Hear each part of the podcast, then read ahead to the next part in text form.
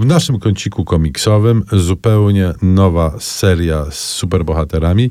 Seria, no, która nie jest chyba skrojona pod nas, troszeczkę jakbyśmy na nią już za starzy, ale rzucić okiem zawsze można. No nie no, nie jesteśmy za starzy, bo zobacz, to jest 13 plus napisane. No to jesteśmy 13 plus, jakby nie było. To nie jest, że do, Rzeczywiście. do 13, prawda? Nawet moja Nie mama zmieścimy łapie. No, także nie ma problemu.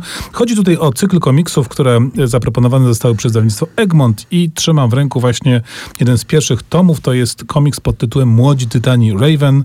Napisała scenariusz Cami Garcia, a rysunki zrobił Gabriel Piccolo. Oczywiście Młodzi Tytani, postać Raven to nie jest jakaś zupełnie nowa rzecz, e, delikatnie mówiąc w ogóle nie nowa, bo ta postać i ten cykl pojawiał się już znacznie wcześniej. Natomiast tu mamy nową odsłonę, nowe wejście. To nie wymaga w ogóle znajomości jakiegoś wcześniejszego kontekstu.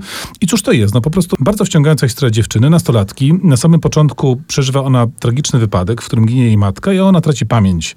I potem próbuje odnaleźć się w rzeczywistości, wychowując się z, z no, powiedzmy z ciotką i powiedzmy z kuzynką.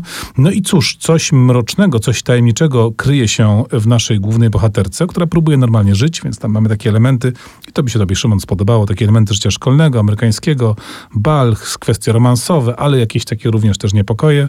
No ale właśnie nad tym wszystkim wisi e, istotne fatum i żeby z tym fatum sobie poradzić, będzie konieczna też religia voodoo i zmarli przodkowie, którzy wezmą w tym wszystkim udział. To się lekko czyta.